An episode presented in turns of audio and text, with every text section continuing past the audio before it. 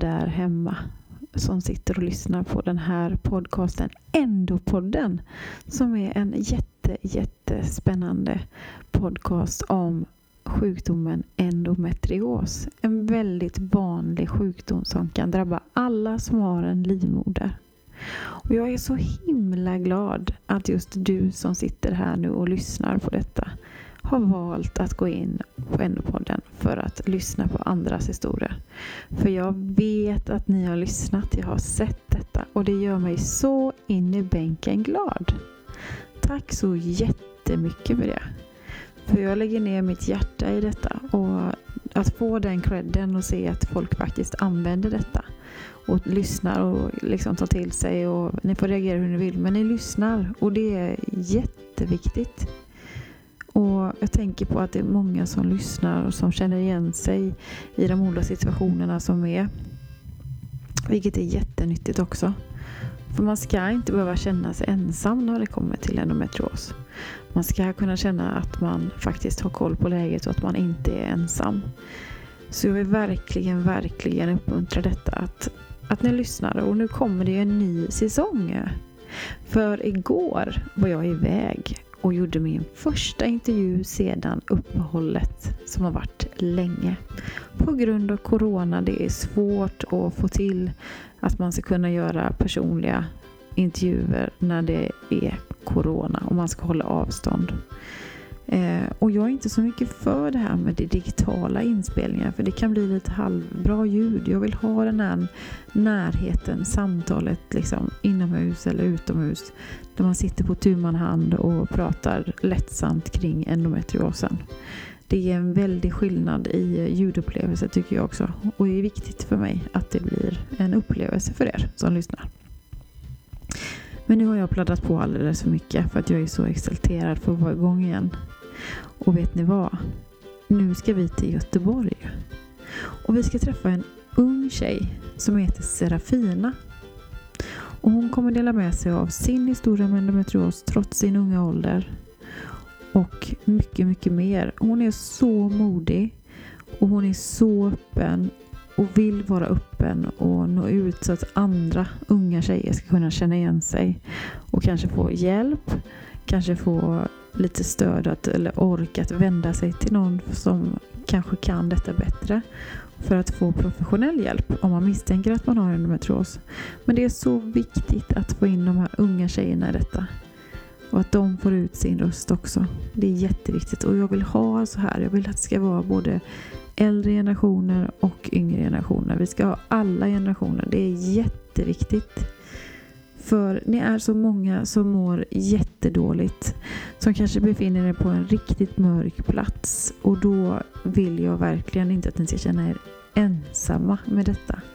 Utan vi är många och vi måste hjälpas åt tillsammans för att få till en förändring i det här landet för endometriosvård och så vidare och acceptans och sprida information så att folk någon dag vet vad det innebär när man säger att man har endometrios. Det ska inte se ut som frågetecken.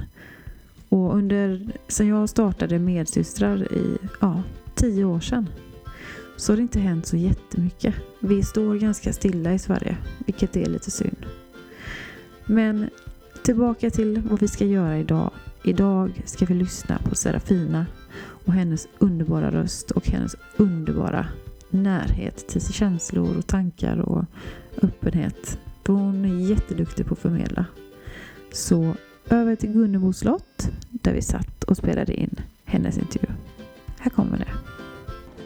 Ja, här sitter vi i skogen och trädgården i Gunnebo faktiskt och myser på en parkbänk. Det är lite vindigt och det är lite fåglar och lite surr och sådär. Jag hoppas ni kan ta det.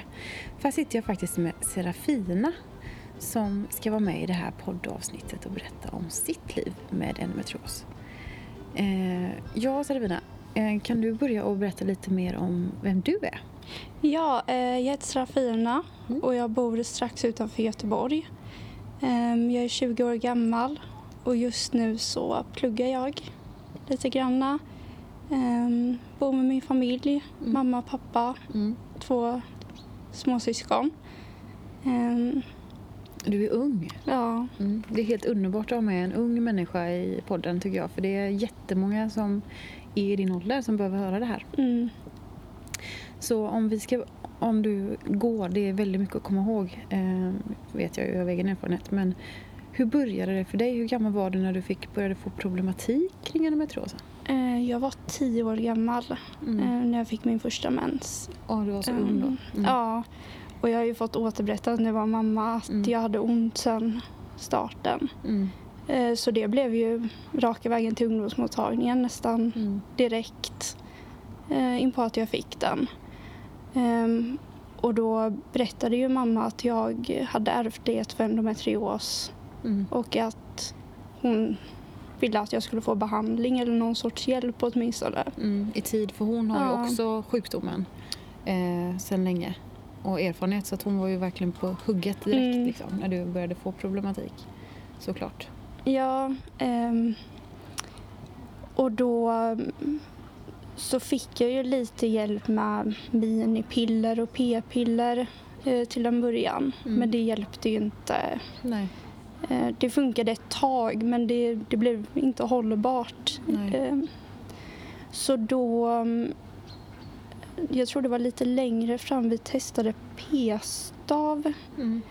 Ehm, och det blev ett helvete rent ut sagt. Alltså den hjälpte inte utan... Nej, det var tre månader av konstant blödning och smärta. Oh shit. Ehm, Mm. Ja, det var inte kul. Nej. Men var Jag- det på ungdomsmottagningen då eller vart var Ja, det du, som allt. du började? Allt hände där. Allt hände där? Mm. Ehm, och jag försökte hålla ut under de här månaderna Mm. eh, så gott det gick och de sa till mig att det här är inte någonting som kommer fortsätta utan det är att du, du får vänta sex månader och sen kommer det bli bättre. Mm. Eh, och jag väntade och jag väntade och det hjälpte inte. Nej. Så jag sa det till slut att mamma jag klarar inte av det här längre. Nej. Ehm, Man Så- ville bara köpa tid då liksom. ja, Mm.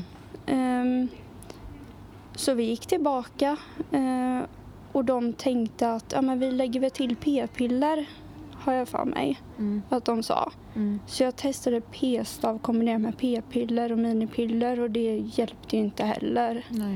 Ehm, och sen så var det någon gång när någon läkare insåg att det inte funkade med detta som jag fick börja på p-plåster istället. Mm. Ehm, och som med det andra så gick det ju ett tag. Mm. Ehm, men jag minns en specifik händelse när jag var i Stockholm Mm. hos min morbror. ehm, där jag hade glömt att ta p-plåstret Mm. en dag. Ehm, och det blev inte så bra. Nej. Vad hände då? fruktansvärd blödning Mm. och fruktansvärd smärta. Mm. Eh, det var vidrigt. Mm. Jag kände mig väldigt liten då, Mm. kommer jag ihåg. Mm. Ehm, och min morbror fick ju panik och ringde hem till mamma. Ja, det är klart. Och hon sa att ni måste åka in. Mm. Och han sa nej, nej, nej, nej, nej, det kan vi inte göra. Eller Mm. så jag sa att nej, men jag, jag klarar det här. Jag måste Mm. andas bara. Mm. Det kommer gå över. Ehm, Shit vad tufft. mm, Mm. Och inte vara hemma liksom. nej, det, det blir Mm. ju det att man är så långt bort och det inte, man kan inte höra av sig till de vanliga. Nej, precis. Ehm, så det var lite tufft. Men då fick du en respons direkt när du inte tog det då liksom. Då mm. kom det en effekt direkt alltså. Shit. Mm. Det har nästan alltid varit så att effekterna har slått till väldigt snabbt för mig. Till exempel som idag. Jag är väldigt slarvig med recept. Mm. Ehm, och jag glömde skicka in recept till min mottagning så idag är tredje dagen utan p-piller. Mm. Och redan andra dagen så fick jag smärtor och Mm. mens Mm. igen. Det är helt sjukt, det går väldigt fort liksom. Mm. Mm. Men det är ju också det här eh, att, som du känner igen också, det här med att man, man får lite problem med minnet när det kommer till de här medicineringarna. Ja. Eh, det känner du igen också ja, redan, att eh, det blir så. Och det är någonting man får acceptera, men det är jättejobbigt. det blir ju det också när man lever med sjukdomen att man är så arg och frustrerad Mm. på att jag har ju fortfarande inte lärt känna min egna kropp, hur det funkar Nej. med endometriosen för mig. Nej, såklart. Och är då, nej, och man må, jag har mått väldigt dåligt över det och det har ju också påverkat Mm, minnet. Mm. Ja, det är klart att det påverkar. Hur, hur känner du, alltså om du tänker tillbaka, eh, det du kan minnas, bortsett från medicinen och allt detta. Mm. Ehm, hur känner du, hur mår du mentalt av medicineringarna? Ehm, jag vet att mina nära Mm. har märkt av att jag inte mått bra. Mm. Men jag vet i början så hade jag jätte- jättemycket problematik med eh, PMS. Mm. Eh, Så p-pillerna hjälpte ju lite med det. Mm. För i samband med allt det här så fick jag ju en ADHD-diagnos också. Mm. Och de spädde ju på varandra, Ja. PMSen och ADHDn. Så det var väldigt tufft hemma ett tag. Mm. Ehm, ingen bra kombo liksom. Nej, Nej. och det hjälpte väl p-pillerna också till med men det, det var fortfarande det psykiska som blev Mm. Värre även om humörerna på något sätt Mm. gick nedåt. Mm. Det landar liksom. Ja, ehm, Har, du Men- någon, har du något tillfälle du minns att liksom ehm, ehm, där du kände att du var på botten? eh, det måste väl ha varit när jag testade, hade testat nästan alla preventivmedel Mm. Och ingenting hjälpte och läkarna sa ta smärtstillande. Mm. Det, du får ta smärtstillande och de gav mig massa olika att testa. Mm. Sådana som inte är högre klassade då. Mm. Ehm, Men, men det hjälpte ju bara i stunden. Jag mådde ju fortfarande Mm. lika dåligt vanligtvis. Precis. Så det, Mm. det hjälpte väl bara tillfälligt men Mm. det var ingen lösning. Nej, det är klart att man ehm, mår skit då. Ja. Men, men hur, vad hände efter ungdomsmottagningen där? Ehm, Du gick där några år. ja, jag fick ju spiral då också. Mm. Eh, och sen fick jag p-piller med... Nej, det fick jag inte. Jag fick bara spiral. Mm. Hormonspiral. Mm. Den funkade såklart Mm. i några Mm. år. Mm. Jag tror det var tre år. Mm. Funkade den okej med Mm. smärtstillande emellanåt. Mm. Men sen blev det ett helvete igen. Mm. Eh, och det var ju det att jag inte riktigt kommer ihåg vart jag hamnade emellan. Nej, det är inte För konstigt. de sa det att vi kan inte hjälpa dig här på ungdomsmottagningen. Mm. Och så blev jag vidare skickad. Jag tror jag fick en remiss till något specialistteam med endometrios. Mm. Eh, och då sa de att titthålsoperation verkar vara ett alternativ om vi inte mm, kan göra något annat. Och det sa jag ju att det, det går inte. Jag har testat allting. Mm. Mm. Redan vid den åldern har Ja. Mm. Och då mm, så fick jag komma till en läkare Mm. eh, som lyssnade på mig väldigt bra. Och vi kom överens om att jag skulle göra röntgen och sedan operation. Mm. Och då fick jag ju vänta på den. Mm. Men det var ju det att de såg aldrig någonting på ultraljud. Mm. De såg aldrig någonting på röntgen och gjorde. Nej. Det var ju det som var problemet också att jag fick svår dysmenorré Mm. diagnostiserat Mm. av läkarna. Men de sa att de, de såg aldrig någonting. Nej. Så de visste ju inte vad det var. Nej. Men sen så fick jag ju min operation efter en väntan. Mm. Jag blev inbokad på en eh, akuttid. Mm. Eh, och jag var väldigt, väldigt nervös. Mm. Men samtidigt väldigt lycklig Mm. att nu händer det. Mm. Lättad Ja. såklart. Mm. Så jag åkte klockan sju på morgonen tror jag det var. Mm. I oktober förra året. Mm. Och då fick jag matas av läkare som... Ja, självklart var det inskrivning dagen innan då. Mm. Men när jag kom dit så förklarade de för mig vad de skulle göra lite Mm. mer. Och sen så minns jag inte. De skulle ta en titt då lite och kolla liksom hur du såg ut när de väl öppnade dig. Ja, precis. För ingenting syntes ju som du sa. Nej. Nej. Och det är ju väldigt vanligt Att eh, folk genomgår magnetröntgen och andra ultraljud och andra alla möjliga sorters röntgenundersökningar om man inte hittar någonting. Mm. Det ska vi lägga till här. Eh, så det är många som tror att de är ensamma om det men det är jättevanligt att inte det syns faktiskt. Men sen var det operation. Ja, det var operation. Och så eh, opererades jag, kom till uppvaket. Och det kändes väl som vanligt förutom att jag var ju på morfin och ja, det, jag vet inte hur jag ska beskriva det men jag vet i alla fall att jag kom upp till rummet sen Mm. och jag väntade och väntade Mm. och barnmorskan sa att hon kommer snart och berättar hur det gick. Och jag väntade och sen så kom hon och berättade att de hade hittat endometrioshärdar. Mm. Ehm, att det inte var så jättemycket men det var tydligt att det fanns. Mm. Och de har tagit bort en del, eller ja, det mesta de kunde hitta. Och det var sån enorm lättnad. Ja, såklart. Och jag, jag kan nästan inte beskriva det hur glad Nej. jag var. Nej, jag förstår det. Mm. Ehm, för jag, jag hade ju verkligen väntat på det så länge. Att bara få diagnosen betydde Mm. allt Mm. för mig. Mm. Det är inga hjärnspöken utan det Nej. finns, det finns, eller du har inte fel, du känner ju din kropp. Och det är också så här att eh, det, det är ganska jobbigt när man är ung och man får höra att eh, nej men det är det nog inte. Eh, eller du vet alla bortförklaringarna som kommer, men det är bara mensvärk. Eh, ja, och så vidare och så vidare. Och skönt att få det bekräftat. Ja, Den lättnaden. Ja. att det är inte att jag är hemma från skolan bara för att. Mm. Så det var en enorm lättnad. Och jag tänkte att, jag vet inte varför egentligen när jag har hört från andra, till exempel dig och mamma som har endometrios, Mm. att det... Jag tänkte för stunden att det var ett slags botemedel Mm. och jag var så lycklig Mm. efter Mm. några månader att shit, jag, jag har inte ont. Mm. Det, det funkar. Mm. Tills det blev värre igen. Mm. Och där, Mm. där kom det igen. Mm.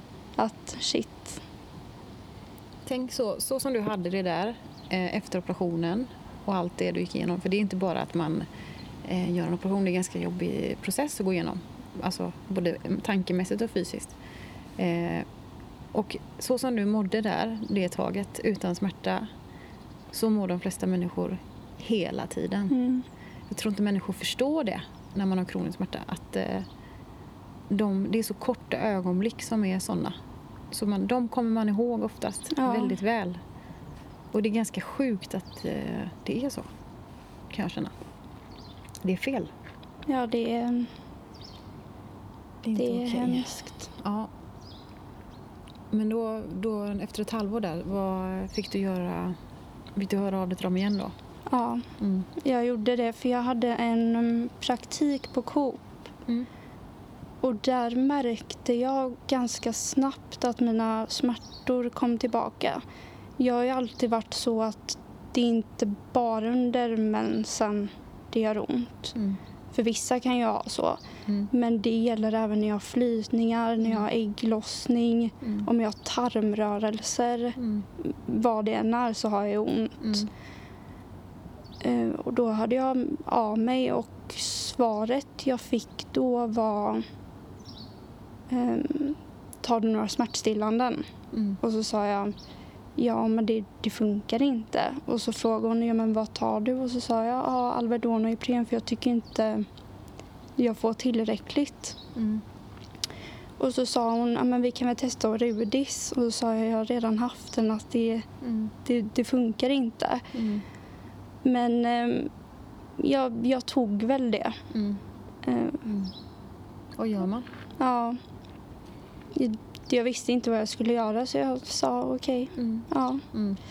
Mm, Men det var ju också problemet att när jag tar smärtstillande så får jag ju problem med ehm,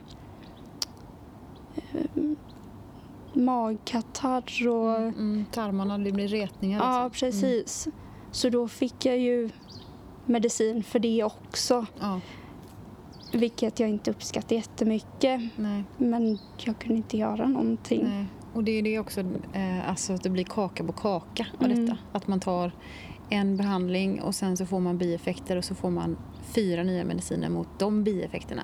Och så bara fortsätter så blir det som ett jättestort, jättestort träd med grenar som har liksom oändligt, så det är en jättesoppa vad som är vad till slut. Helt sjukt. Ja, och sen så vet jag att det gick en period. Och det var inte all, det var strax innan sommaren jag hörde av mig till dem igen. Mm. Och så berättade jag då att jag, jag hade fått ont igen. Eh, och de, då var det en barnmorska som ringde mig. Mm. Jag hade önskat en läkarkontakt. Mhm. Och då sa hon... Eh, hon frågade om jag hade ont på ena sidan. Behövs det väntas på det? Det är bara människor som går förbi. De får gå förbi.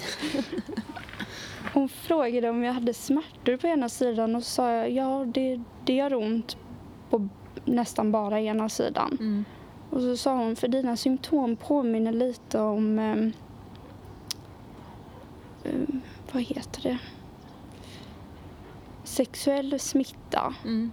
och eventuellt något slags missfall. Och då tänkte jag, aha, Ja. okej. Ja. Så sa hon, du får, hem ett, du får skicka hem ett prov till dig själv via en sida för mm. att kolla så att du inte har någon sexuell smitta. Mm. Och även göra ett graviditetstest. Och blir det positivt så får du åka in akut eftersom att du har spiral. Mm. Och jag gjorde det och jag fick ju negativt på båda. Mm. Och så, mm, Gud vad sjukt alltså. ja, Att man inte fattar. nej och jag kommer ihåg att hon sa att jag fick höra av mig om jag fick ont igen. Ja. Och sen så fick jag inte ont igen. För det kommer ju som i skov. Mm. Mm. Så nu har jag inte hört av mig till dem igen, tror jag. Men det är inte så jättemotiverande när man får höra, när man väl kommer dit eller hör av sig och väl får tag på någon och så bara "Ah, Ja, nej men eh, Ja, men det är det här vi kan göra. Du får, Mm. av, du får komma tillbaka. Eller du får höra av dig igen om det du är behöver. alltid så. Ja, det är liksom så här, men jag är ju här nu. Mm. Alltså hjälp mig nu. Inte sen eller... Men det är mycket köpa tid känns det som. Det känner jag många tror jag kan känna igen sig i. ja. Att man skjuter allting framför hela tiden. Och det är ändå livskvaliteten som drabbas hårt. Mm. Helt sjukt. Ja, så det, vart befinner du dig nu? Är det i skov eller utanför? Eller? Ehm, Just nu är jag väl i ett litet skov för att jag glömt att Mm. fylla på receptet. Mm. Men jag är väl också på sätt i ett skov att det har drabbat ehm, folk omkring mig och Mm. ehm, min pojkvän tar ju skada Mm. av hur jag mår också. Mm, det är klart. Är han förstående liksom i allt det här med att man inte alltid kan ha sex och att man inte alltid är, är fungerande på de delarna liksom i ett förhållande ändå? Ja, det gör han men Ja. det har nästan blivit lite för långt Mm. nu märker vi båda att Mm. det, det är någonting som inte stämmer med, Mm. med min kropp. Mm. Men jag kan inte sätta ord på vad det är. Nej, gud vad frustrerande. Ja, En oerhörd ensamhet i det. mm, Som inte du ska bära själv. nej. Men vet du, har du någon som är i liknande ålder som har samma problematik? Eller? Jag hade en klasskompis som jag misstänkte hade Mm. endometrios. Mm. För hon hade extrema smärtor också Mm. och var hemma. Mm. Så henne har jag pratat mycket med, Mm. men vi pratar inte så mycket längre. Mm. Men annars är det mina vänner, Mm. de, för, de förstår ju mig men jag känner inte någon som har så jättemycket Nej. problematik. Det blir väldigt ensamt då att bära det. Ja, Mm. Shit, tufft. Du är så ung också. ja, Alltså, du är jätteung. Hela livet framför dig. Men om du tänker, om du fick... Om du fick, ehm, om du, om du fick en, en magisk kraft. Eh, vad hade du först, om du fick välja en grej, vad hade du önskat då kring endometriosvården och hur det ser ut? Om du kunde välja. Oj, vad svårt. Mm. Jag har ju alltid blivit bemött på ett helt okej sätt. Vad skönt. Mm, Det, är fin- inte alltid det är negativt. Nej, Nej. det finns ju. Jag Mm. vet till exempel hur du har blivit bemött och så. Ja. Men det har varit både och. Det har ju varit Mm. fantastiska eldsjälar också. Så att eh, det finns ju både skit och blåbär, som man säger. Men vad skönt. Ja, Mm. men jag, jag kan inte riktigt... Kan man säga något slags botemedel? Jag, Ja, jag vill ha mer forskning inom Ja, det. men det är väl en jättebra grej att säga. Ja, Alltså, för det känns som att det är ganska tyst på den fronten när man väl börjar sätta sig in i det så är det, eller det är i alla fall inte någonting som man får fram väldigt lätt. nej. Eh, sen är det säkert jättemånga eldsjälar som kämpar i det dolda men det är väl en jättebra grej. För man har ju inte kommit så långt på de här eh, tusen år, flera tusen år sedan som man upptäckte den här sjukdomen. Det är också helt otroligt. Ja. Men eh, ska vi ta lite fika här innan vi fortsätter eller? ja. Lite chokladboll tänker jag.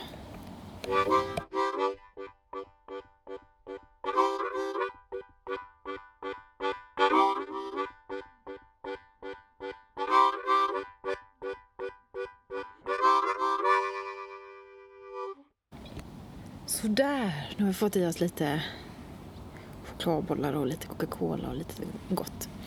Så nu ska vi återuppgå lite till vårt samtal.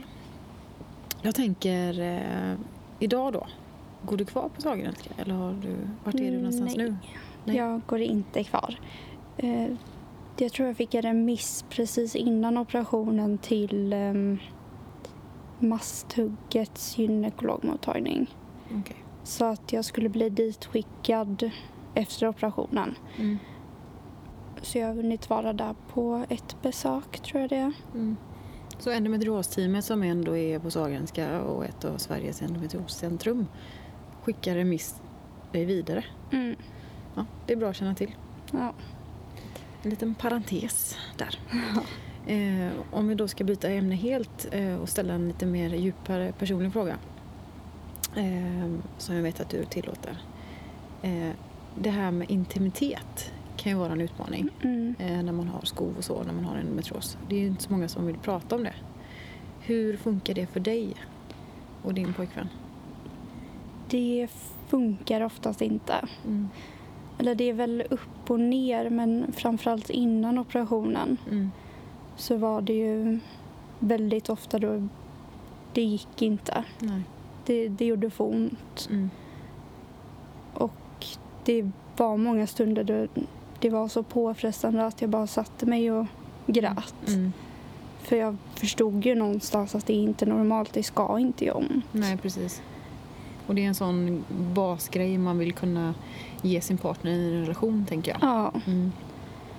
men eh, sen så fick jag operationen Mm. och som sagt så blev jag ju bättre. Mm. Och jag blev ju jätteglad första gången jag var intim efter operationen. Mm. Som jag sa till dig att jag började gråta av lycka Ja, för att det inte gjorde ont. jag förstår. Shit alltså. Men eh, Mm. det gick några månader Mm. och så Mm. blev jag ju sämre Mm. och då började jag gråta igen Mm. när det kom tillbaka. Mm. Och efter operationen så nämnde jag inte det men jag fick en ny hormonspiral Mm.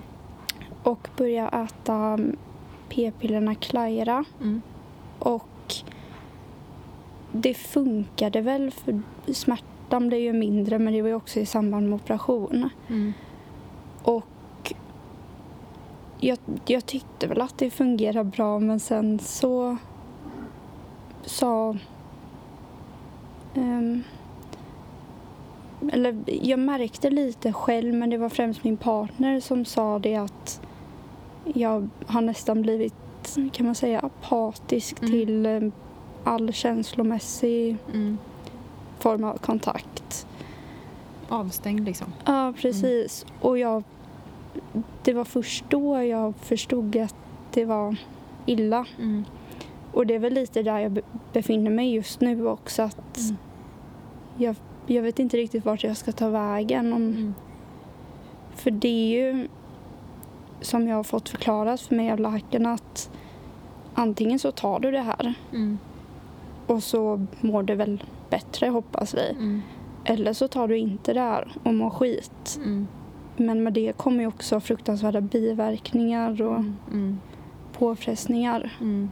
Och det får inte bli för stora påverkan på ens liv tänker jag. Du är så ung, alltså man Mm. vill ju göra mycket. Man, vill, alltså, man har hela, hela livet framför sig verkligen. Ehm, Så jag förstår konflikten där. Och sen är det ju den här konflikten som man hamnar i. Att man, eh, man mår bra Mm. och så lever man livet och lever, alltså verkligen gör det som normala människor gör och tar för givet kanske. Och sen så kommer det ett bakslag, en, en ägglossning eller det kan vara någon rubbning bara. Och så är man ju, faller man fullkomligt pladask och blir så ledsen och besviken. Det är Ja. otroligt berg och dalbana. Kan du känna igen det? Ja, absolut. Ja. Det, det händer för ofta. Mm. För jag är, väl, jag är en väldigt sån person att när jag mår bra så vill jag må bra och då glömmer jag nästan när jag mår dåligt. Mm. Och så kommer det som en käftsmäll. Mm. Och så blir det jättepåfrestande för att Mm. shit, så här var det ju. Mm. Det var ju inte alls bra. Nej. Och så går det upp och ner och så fortsätter det så. Mm. Mm. Nej, det är tufft. Shit, jättestarkt.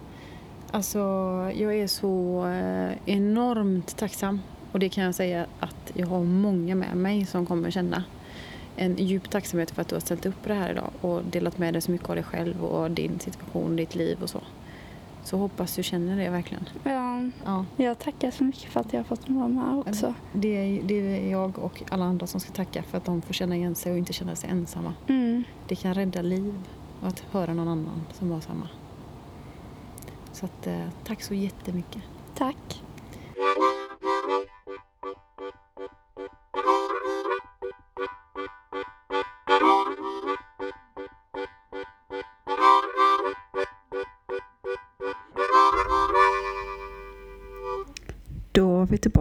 Här igen. Och jag är så himla glad och tacksam och innerligt, innerligt lycklig över att Serafina valde att höra av sig och för, ville förmedla sin historia med endometrios. Jag hoppas verkligen att det är många unga där ute som lyssnar som kanske inte har någon att prata med riktigt i sin egen ålder utan det är många som är äldre som kan känna igen sig mycket i hennes historia och Eh, alla de ämnena som hon tog upp som kan vara väldigt känsliga att prata om. Mycket tabuer, mycket, ja, mycket censur. Det är svårt att få prata om vissa saker och det är lite fel. Så att det, jag är jättetacksam för dig Safirina att du vågade.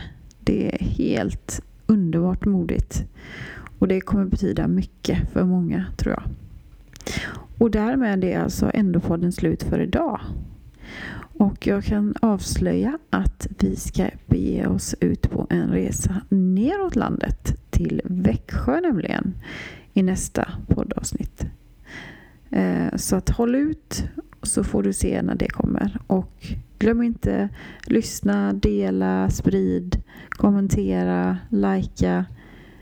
Hjälp till att sprida Endopodden om du vill att det ska komma ut mer information kring endometrios och livet med endometrios. Det vore tacksamt. Annars får ni ha det riktigt gott och är det så att du vill komma i kontakt med mig för att du vill vara med och medverka i podden så kan man mejla mig på medsystrar madde medsystrar.se så tar jag kontakt med dig. Så tack för idag. Slut för idag. Och jättegött att vara igång igen. Tack ska ni ha. Ha en riktigt god dag nu. Hejdå!